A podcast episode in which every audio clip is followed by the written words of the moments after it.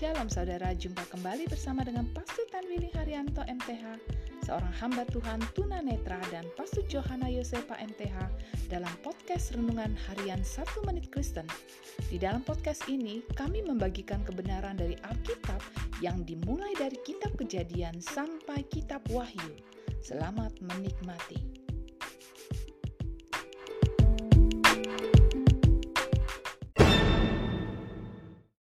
Shalom saudara yang berharga di mata Tuhan, senang dapat jumpa dengan saudara. Hari ini firman Allah memberitahu kita kesabaran adalah salah satu kunci untuk sebuah keberhasilan.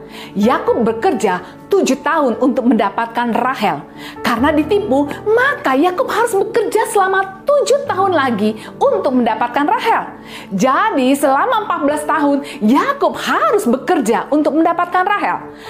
Kesabaran merupakan sikap yang penting dalam perjalanan hidup kita dan kunci untuk mencapai tujuan-tujuan kita.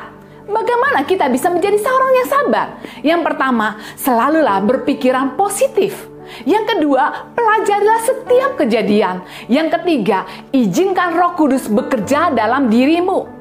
Kesabaran adalah sulit bagi kita ketika kita memerlukan hal yang paling kita inginkan.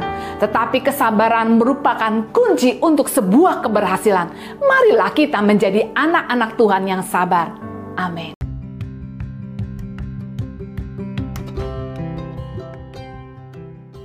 Terima kasih saudara telah mengikuti podcast Renungan Harian 1 Menit Kristen. Doa kami, kiranya kebenaran yang saudara terima akan membuat saudara semakin berakar di dalam Tuhan dan bertumbuh dan berbuah lebat di dalam Tuhan. Tuhan Yesus memberkati.